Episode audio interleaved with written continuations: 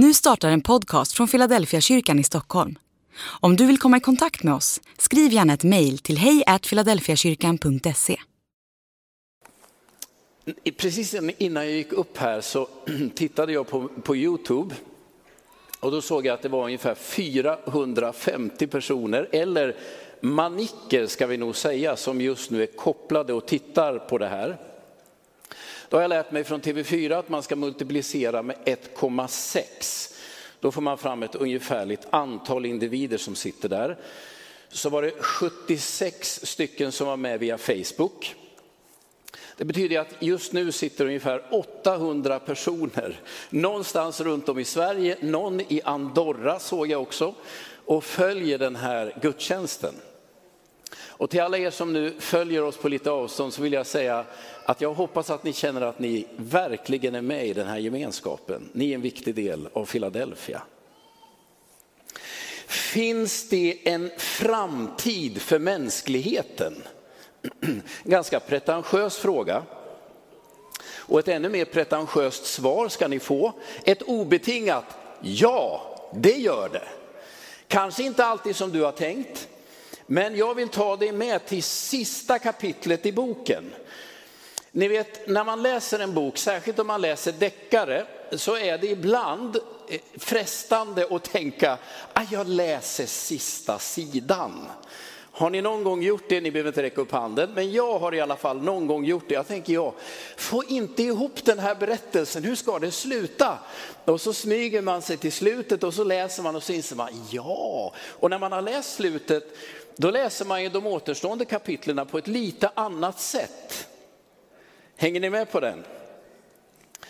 Jag tänker att idag ska jag läsa sista kapitlet i det Bibeln beskriver som mänsklighetens historia. Och nu när du hör det här så tänker du, men det finns en massa andra historier, absolut. Men jag vill ta dig med till slutet, den absoluta slutvisionen. Och så är det den jag ska tala om. Och nu kommer några av er sitta här och tänka, men det, nu sa han ingenting om den yttersta domen. Och hur blir det med det här med himmel och helvete? Och hur är det nu med de dödas uppståndelse och en ny kropp? Jag begränsar mig nu, vilket alltid är en svårighet, och försöker ge dig den stora bilden av den bibliska slutvisionen. Jag hoppas du tänker det. Och så, jag har sett det i en del kommentarfält att han hoppar över det, han hoppar över det. Ni har helt rätt, skriv det. Men jag är medveten om att det finns mycket mer att säga. Ni vet det är lite som Jesus sa till sina lärjungar när han höll avskedstalet till dem. Jag har ännu mycket mer att säga till er, men ni förmår inte att ta emot det. Ungefär så kan man känna ibland. Men häng med nu.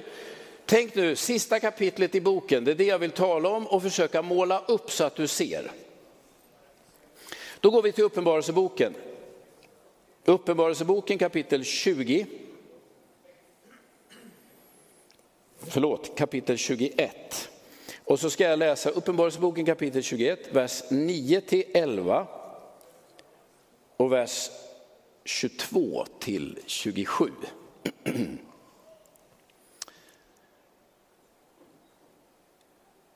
Ah, jag läser först. Och en av de sju änglarna med de sju skålarna som var fyllda med de sju sista plågorna kom och talade till mig och sa, kom, jag ska visa dig bruden, lammets hustru. Och han förde mig i anden upp på ett stort och högt berg och visa mig den heliga staden Jerusalem som kom ner ur himlen från Gud, full av Guds härlighet.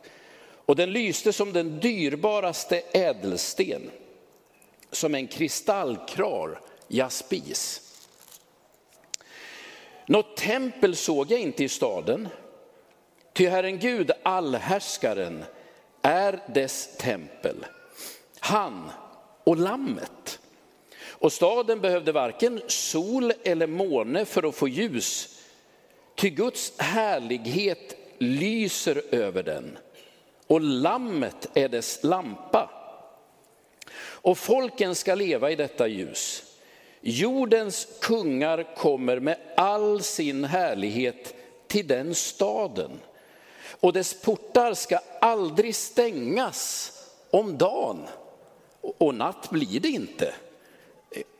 Det är alltså öppet dygnet runt. Och allt dyrbart och härligt som folket äger, folken äger, ska föras dit. Aldrig ska något orent komma in där och inte heller någon som handlar skändligt eller lögnaktigt. Utan bara de som lammet har skrivna i livets bok. Det här är en förbryllande text. Hur börjar det nu då? Jo, en av änglarna, jag går inte in på dem nu, en av änglarna säger ju till Johannes, kom ska du få se bruden. Okej, okay? brud, vad händer i ditt huvud nu?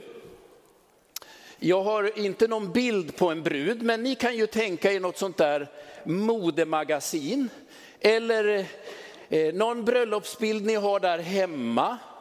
Man har ändå någon sorts uppfattning om vad en brud är, eller hur? Ja, då eh, tänker tänker jag att man får se en dam i vita kläder, ungefär så. Eller en ung kvinna.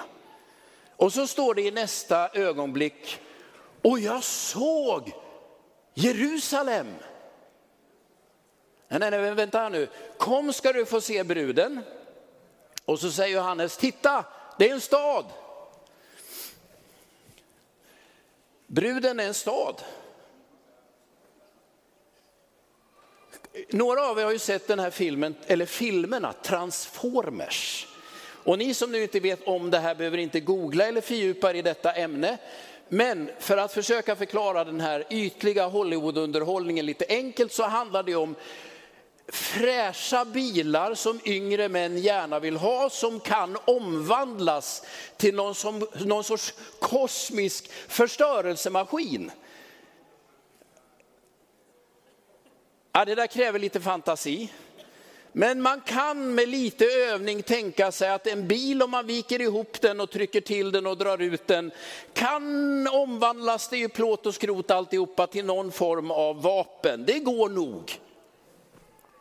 Men det här förvandlingsnumret är svårare att få in i huvudet. Kom ska du få se bruden, och där är stan. Hur kan en brud bli en stad? Jag har ju suttit och tittat på när mina yngre söner, de är ju vuxna nu, spelade WoW och LOL. Jag vill inte heller försöka uttyda de förklaringarna, men det är tv-spel. Och det är de mest bizarra figurer som som eh, går runt i den mest underliga fantasivärld. Jag har försökt hänga med och spela. Jag tänker, jag, jag måste ju ändå informera mig om vad nästa generation fyller själslivet med. Men jag blir åksjuk av tv-spel, så jag har inte kunnat. Men jag tänker, varför är de klädda så? Hur ser det här ut och vad går det där ut på? Det är massa stjärnor som flyger och grejer. När man läser Uppenbarelseboken, då får man någon sorts kontakt med den där spelvärlden.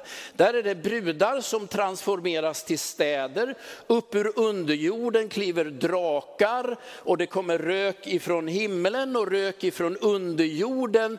Det är, eh, det är någon varelse med tio huvuden och sju horn och massa ögon. Som västerlänning blir man smått förbryllad. Och sen vimlar det ju av symboltal, ni vet talet 666.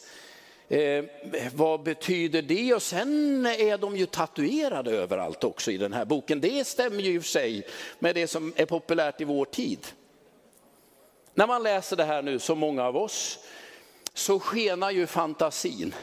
Men jag vill bara att du ska förstå en sak, jag ska inte förklara det mer än så. Men när Johannes skriver uppenbarelseboken, med alla de här varelserna och siffrorna och tatueringarna så är han otroligt uppdaterad med hur man kommunicerade på den tiden. Han använder en genre som alla förstår och som vi inte alls begriper. Bara så att du inser. Och den här boken är nog faktiskt en av de mest politiskt eh, inriktade böckerna i hela nya testamentet med en enorm spets emot makten som ibland går över alla gränser och till slut vill bli all makt. Bara ha med det i tanken. Men nu ska jag ta mig tillbaka till den här berättelsen. Och jag säger igen, det här är vad jag uppfattar är den stora slutvisionen. Detta är sista kapitlet jag just nu läste och förhoppningsvis när du går hem härifrån så har du fått lite klarhet i det där med bruden och också staden. Så jag kommer att tala om bruden, det är en punkt och så har jag en annan punkt som heter staden. De kommer jag att tala om, men jag ska börja med en tredje punkt, eller det blir ju då första punkten. Vad är det här för vision? Vad är slutbilden? Jo, slutvisionen som Johannes ser. När alla kapitel är färdigskrivna och vi är framme vid sista avsnittet, vad är det då som händer? Vad är det han ser? Jo, han ser att himlen kommer till jorden. Det är vad han ser. Så om du frågar mig, finns det en framtid för mänskligheten? Så skulle jag säga med detta sista kapitel i ryggen, ja. Himlen kommer nämligen till jorden. Detta är bönesvaret på den där bönen som vi har bett i Guds församling i 2000 år och som Jesus gav sina lärjungar. Låt ditt rike komma, låt din vilja ske, så som i himlen, så och på jorden. Men när händer det? Det händer här. Och jag såg Jerusalem komma ner ifrån himmelen som en brud. Så vad är slutvisionen? Ja, men nu, eh, jag beklagar, vi sjöng ju den här nationalsången vi har i pingströrelsen inledningsvis. Himmel och jord ska brinna, höjder och berg försvinna. Jag tror att man ska ta det bildligt, för det är så Jesus använder det. Han säger, även om denna jord går under så kommer Guds ord aldrig att förgås. Men frågan är, ska himmel och jord brinna? Höjder och berg försvinna? Så är mitt svar nej. Därför att det som är slutvisionen, nej, det som är slutvisionen är att himlen kommer till jorden. Gud tänker inte överge sin skapelse. Han har inte gjort hela detta universum för att sen bränna upp det. Och så startar något helt nytt som ingen av oss vet vad det är. Jag vet att det här var kanske oförskämt sagt, men jag menar nog att detta är den bibliska visionen. Himmel och jord kommer inte att brinna upp och ta slut. Sista bilden på sista bladet säger att när alla kapitel har gått i fullbordan, vad händer då? Då kommer himmelen att sänka sig ner över jorden.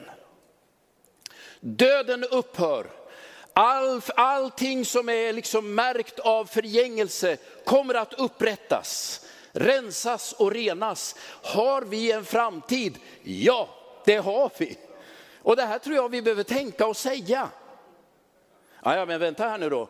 Eh, läser man Bibeln, och tro mig, jag har läst boken också många gånger, så läser man om folk som reser sig mot folk och hungersnöd på plats efter plats och jordbävning och i Uppenbarelseboken det är ju nästan förskräckligt. En tredjedel av jordens befolkning dör och solen kommer att bränna alla och en tredjedel av alla vatten blir, blir liksom bittra och man, man skadas om man dricker av det.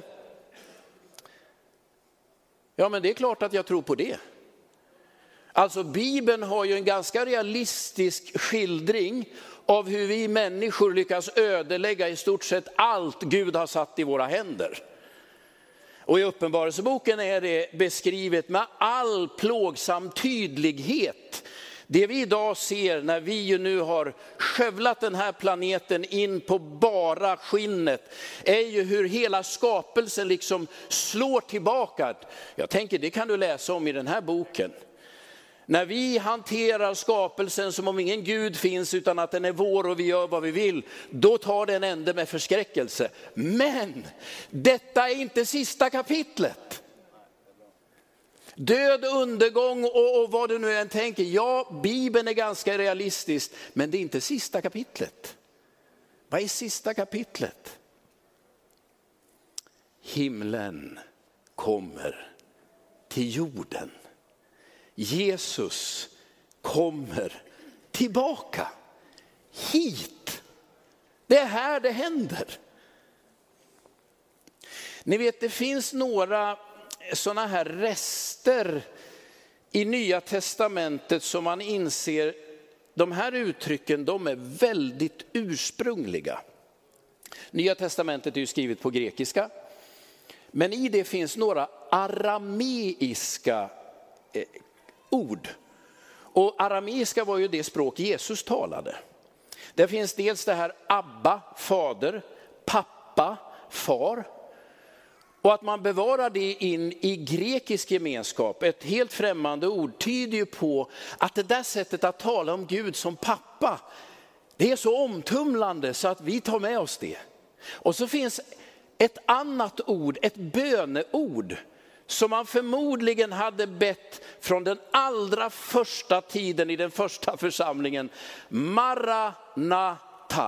Maranata, nu tänker en del av er som är lite äldre på en rörelse kopplad till oss i historien, glöm det. Maranata, det är arameiska och betyder kom Herre Jesus.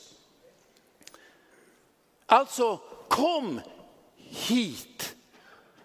Det var väntan. Vad är det man väntar? Att himlen ska komma till jorden. Det är slutordet. Ja, men tänker ju några av er, men är det inte vi som ska till himmelen? Ja, men jo, och ja. I Uppenbarelseboken finns nämligen två bilder när du läser skildringen. Två parallella och ganska motstridiga bilder. Dels har du den här bilden av hur vattnet förstörs, hur solen bränner, hur miljön kollapsar, hur människor krigar. Det är inte sista kapitlet, men de finns där de kapitlerna. Men sen finns en annan beskrivning. Och som också verkar handla om det som händer här och nu. Får jag läsa ifrån kapitel 7. Uppenbarelseboken kapitel 7. Jag läser vers 9 och vers 10 och så vers 13 och framåt. Lyssna nu. Sen såg jag och se en stor skara som ingen kunde räkna av alla folk och stammar och länder och språk. De stod inför tronen och lammet klädda i vita kläder med palmkvistar i sina händer och de ropade med hög röst Frälsningen finns hos vår Gud som sitter på tronen och hos lammet. Och en av de äldste sa till mig, de här som är klädda i vita kläder, vilka är de? Och varifrån kommer de? Jag svarar, du vet det Herre. Han sa till mig, det är de som kommer ur det stora lidandet de har tvättat sina kläder rena och gjort dem vita i Lammets blod. Därför står de inför Guds tron. Och de tjänar honom dag och natt i hans tempel och han, sitter på, han som sitter på tronen ska upp, slå upp sitt tält över dem. De ska inte längre hungra och inte längre törsta. Varken solen eller någon annan hetta ska träffa dem. Ty lammet som står mitt för tronen ska vara deras herde och leda dem fram till livets vattenkällor. Och Gud ska torka alla tårar från deras ögon. Vad är det Johannes ser? Han ser något som pågår just nu.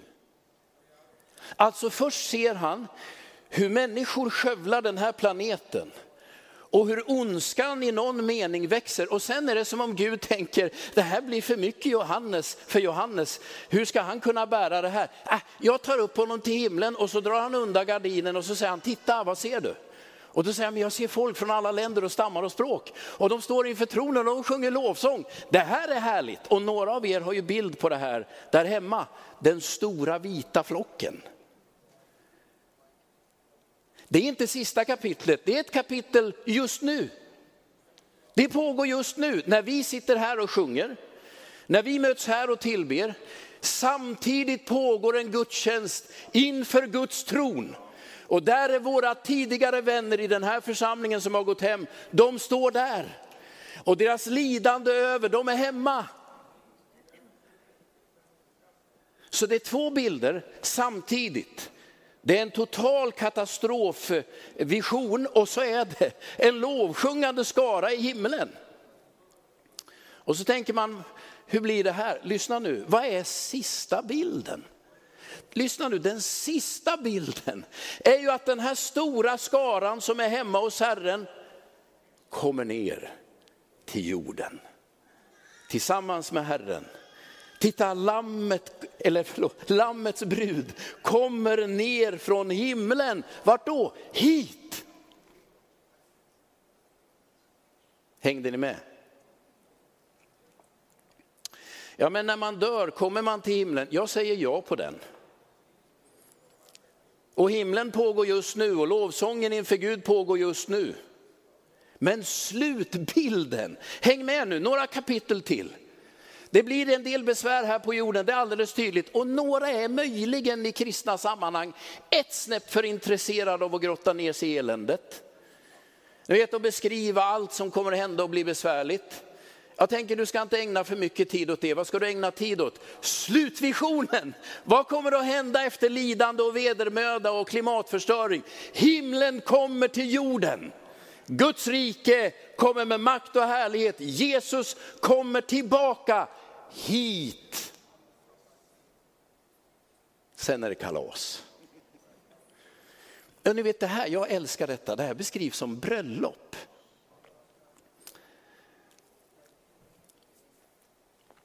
Och jag tillhör ju de som menar att bröllop är det trevligaste som finns. Det är ju liksom livets höjdpunkt. När man möter en del unga människor idag som är bekymrade över klimatet så inser man att det som man ibland funderar på det är, är det någon idé att gifta sig och skaffa familj? Ni vet att gifta sig och skaffa familj är ju en sorts statement om vad jag tror om framtiden. Det finns en framtid. Jag tror på den.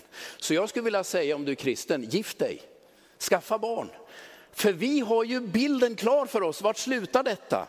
Ja, det kan vara lite bumpigt längs färden, men till sist kommer Jesus tillbaka, himlen kommer till jorden, då är det bröllop och vi är bjudna. Det är en livets högtid, det är fest, det är glädje, det är när allting står på sin höjdpunkt. Så beskrivs slutvisionen. Det vill säga även om vi just nu ser att vi som människor och mänsklighet har enorma utmaningar. Bibeln är väldigt tydlig på den punkten. Så är slutbilden något annat. Den skulle jag önska att vi höll fast vid. Kommer, Harma, kommer det sluta med någon stor meteoritkatastrof, Armageddon? Kommer allt brinna, tar det slut? Nej, nej, nej, vi har en annan bild. Det är klart det kan vara besvärligt längs vägen, men sista kapitlet, jag har läst sista kapitlet. Det är bröllop.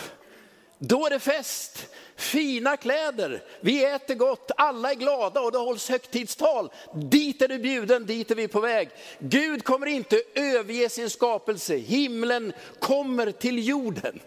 Den där stora vita flocken som du har på tavlan där hemma, du som är lite äldre, tänk, en dag sätter sig hela denna flock i rörelse. Och först går Jesus och vart är de på väg? Hit Ja, jag har gjort min poäng va?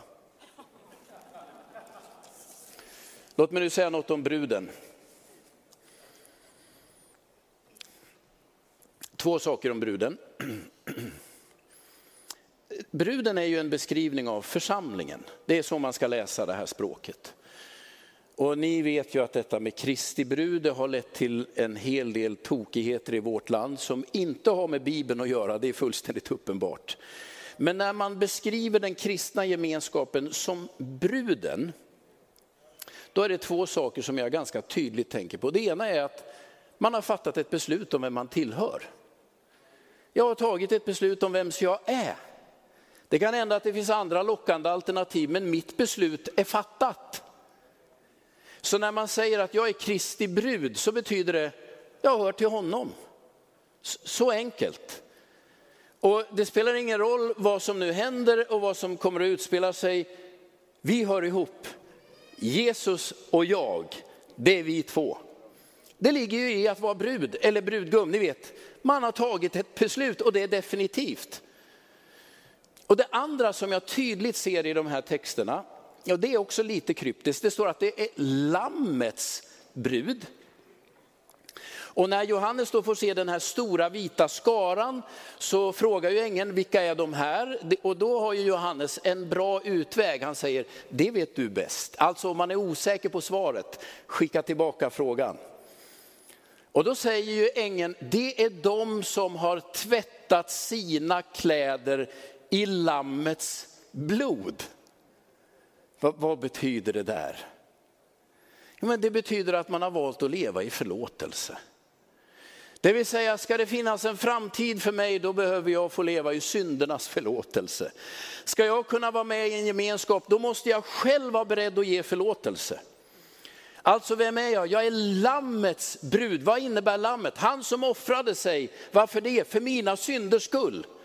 Det vill säga, ska det här gå bra, då behöver jag ha förlåtelse och jag måste vilja ge den vidare. Det är det som ligger i det där lammets brud. Jag har bestämt mig för en och jag lever i förlåtelse och försoning. Jag hade önskat att jag kunde stå här och säga, nej, nej, nej, förlåtelse det är, det är ett avslutat kapitel i mitt liv, jag lever i fullkomning. Nej, nej. Nej, nej, nej, nej. Jag är så behäftad med svaghet. Jag kämpar med så mycket tillkortakommanden. Jag tycker att jag tänker bra men jag har oftast otur, det blir fel i slutändan. Ni vet, hur ska det här gå? Om inte Jesus förlåter mig min synd, om jag inte får leva i försoningen, då är jag förlorad. Och hur ska jag kunna leva i en gemenskap med sådana som er? Nej, det finns bara ett sätt. Det är att vi väljer att säga, vi lever i försoningen. Vi förlåter varandra. Jag tänker att hur illa det än har gått så finns det en ny chans. Vi ber Jesus rena oss och vi ber varandra om förlåtelse. Lammets brud, det kan inte sägas tydligare. Vem gifter vi oss med? Lammet. Vad innebär det där lammspråket i Bibeln? Jo, det är han som ger sitt liv för att friköpa oss från synden. Honom tillhör vi, det tillhör vi. Alltså att vara lammets brud.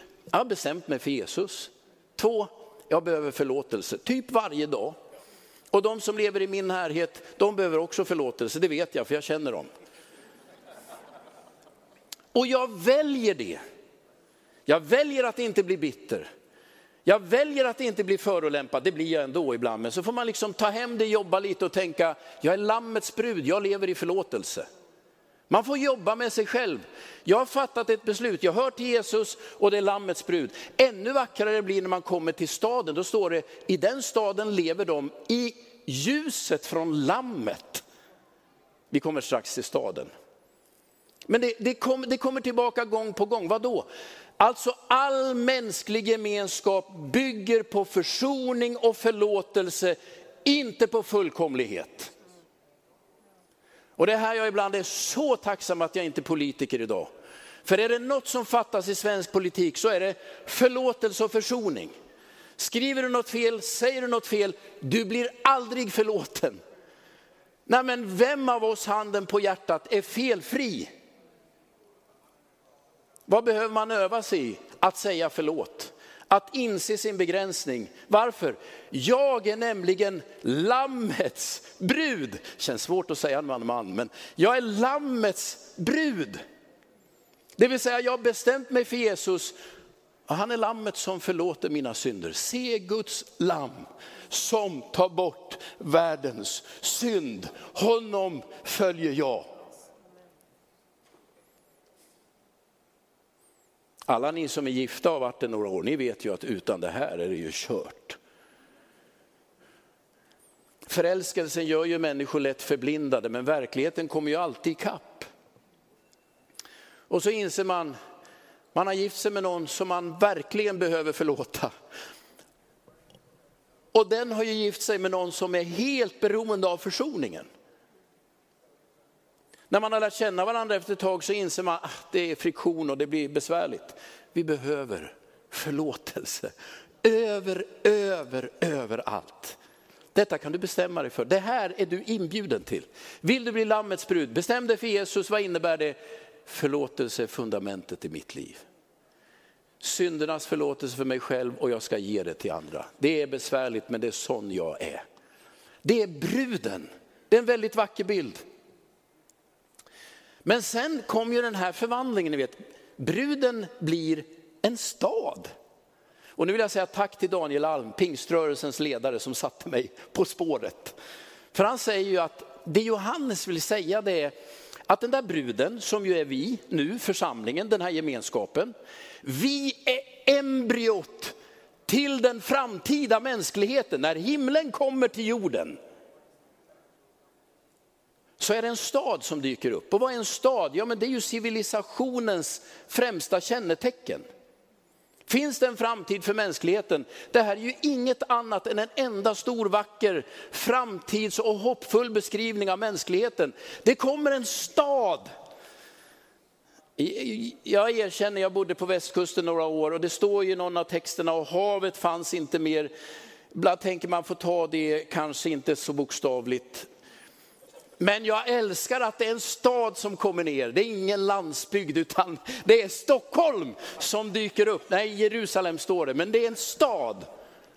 Och vad är en stad? Jo, men en stad är ju en förtätning av människor från alla olika bakgrunder med alla olika språk, kulturer, matvanor. Tryck ihop dem på samma plats. Det är som gjort för konflikt. Eller hur? Städerna, det, ni vet när vi flyttade till Stockholm, fyra barn, så sa ju många, oj oj oj hur ska det gå? I Sverige tänker man nämligen att det är besvärligt att bo i Stockholm om man bor ute i, i landet. Och till er som sitter nu någon annanstans, jag vill säga Stockholm är ju toppen. Välkommen att flytta till stan. Urbaniseringen är en välsignelse. Och så ska man nog säga samtidigt att i slutvisionen så är ju staden som är sinnebilden av civilisation, den är återlöst försonad och renad.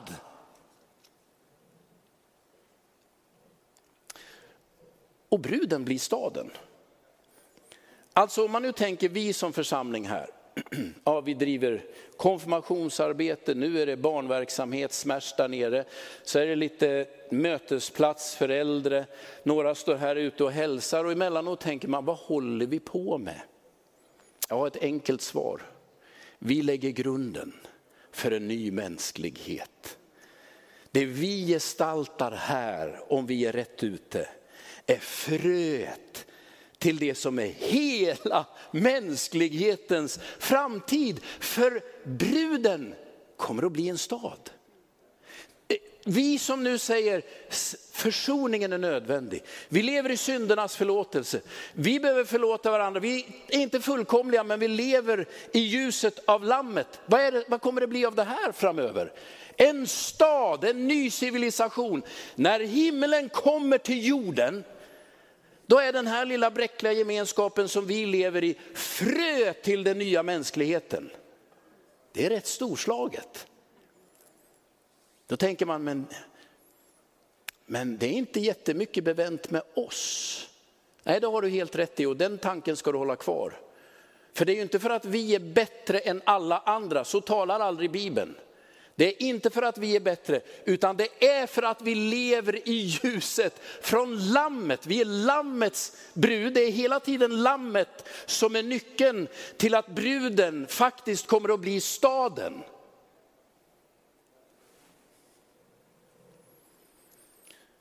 När jag förberedde det här så tänkte jag, det här, kommer det här gå bra? Hur många fattar vad jag försöker säga nu?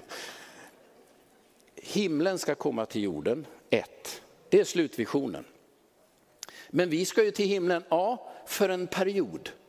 Jag hoppas ju att jag hinner ingå i den där stora vita flocken. Jag har ju aldrig gillat att sjunga i kör, men det verkar som att det äger rum i himlen. Någon gång ska jag kunna knäcka den koden också, och det får nog bli på andra sidan evigheten. Men jag fattar när jag läser den här skildringen att där blir vi inte kvar, utan det kommer en slut Eh, en slutvision då hela denna himmelska härlighet kommer till jorden. Och hela denna jord blir full av Herrens härlighet som havet är fullt av vatten. Efter hans löften väntar vi nya himlar och en ny jord där rättfärdighet bor. Det är slutbilden. Bruden, det är vi som nu har bestämt, det är Jesus i vårt liv och som vet, det är förlåtelsen som är nyckeln. Det finns ingen genväg, det är förlåtelsen. Inte fullkomligheten, inte att vi löser alla frågor. Vi är bräckliga, sköra, fulla av fel, men vi tror att våra synder kan förlåtas och vi lever i förlåtelse med varandra. Det verkar vara embryot till den nya mänskligheten som, som brud transformeras till en stad i slutbilden.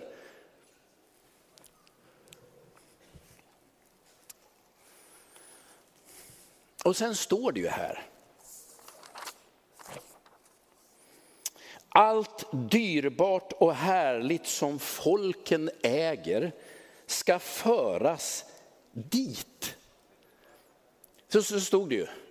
Så ibland tänker man, hur blir det nu då med nobelpristagarna och deras eh, otroligt klyftiga lösningar på problem och all konst som finns och all underbar musik.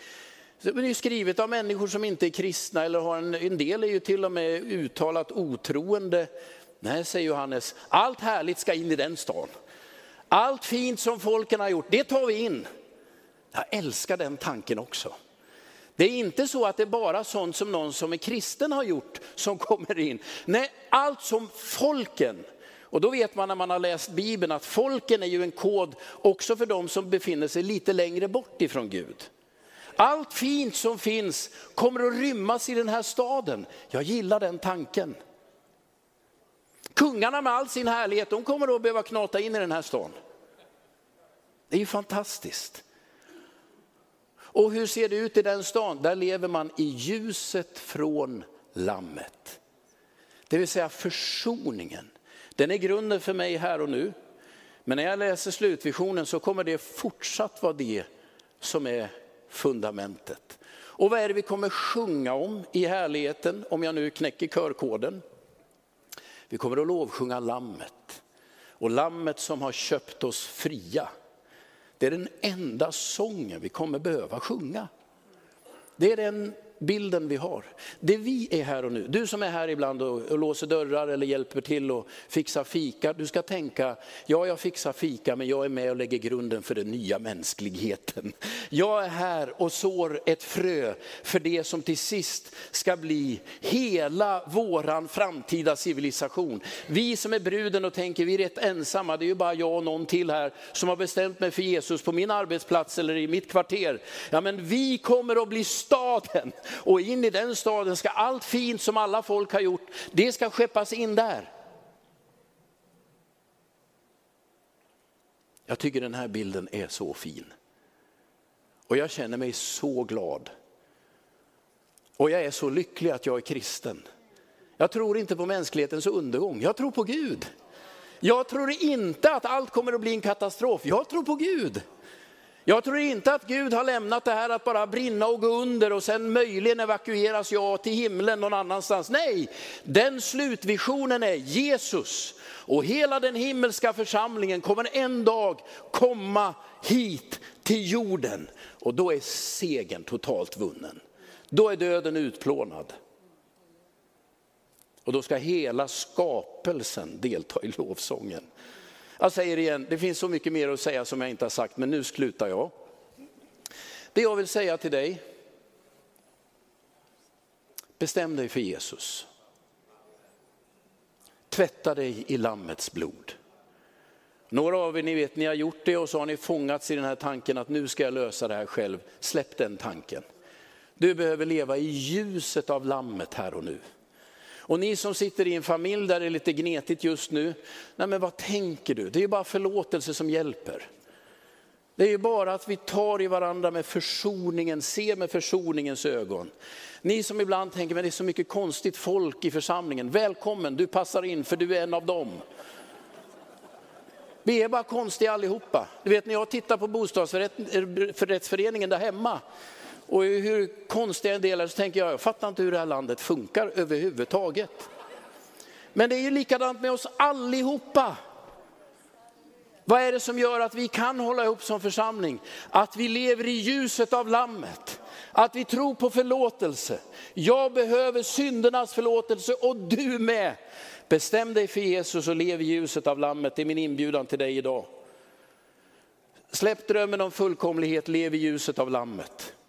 Ge det vidare till andra. Du som sitter här och tänker, men jag har folk som har sårat mig djupt. Det är, det, det är ett högt pris att förlåta, men det är den vägen du bestämmer dig för att gå när du följer Jesus. Jag lever inte för hämnden, jag lever för försoningen. Och detta är frö till den nya mänskligheten när bruden blir en stad. Herre, jag vill bara tacka dig för den här bilden. Hjälpa oss att hitta oss själva i den bilden. Vi vet att det just nu pågår en enorm kamp i hela skapelsen. Svält, krig, besvär, miljökatastrof. Herre, allt detta ser vi och allt detta talar ditt ord om. Och just nu vet vi samtidigt, det är en fest i himlen. Det pågår en lovsång av alla länder och stammar och folk och språk inför dig just nu. Herre, om vi, får, om vi får dö innan du kommer tillbaka, låt oss få vara med i den kören. Men Herre, hjälp oss också se den stora slutvisionen. Att himlen kommer till jorden, att himmel och jord ska gifta sig och att en ny mänsklighet ska födas i ljuset av Lammet. Amen.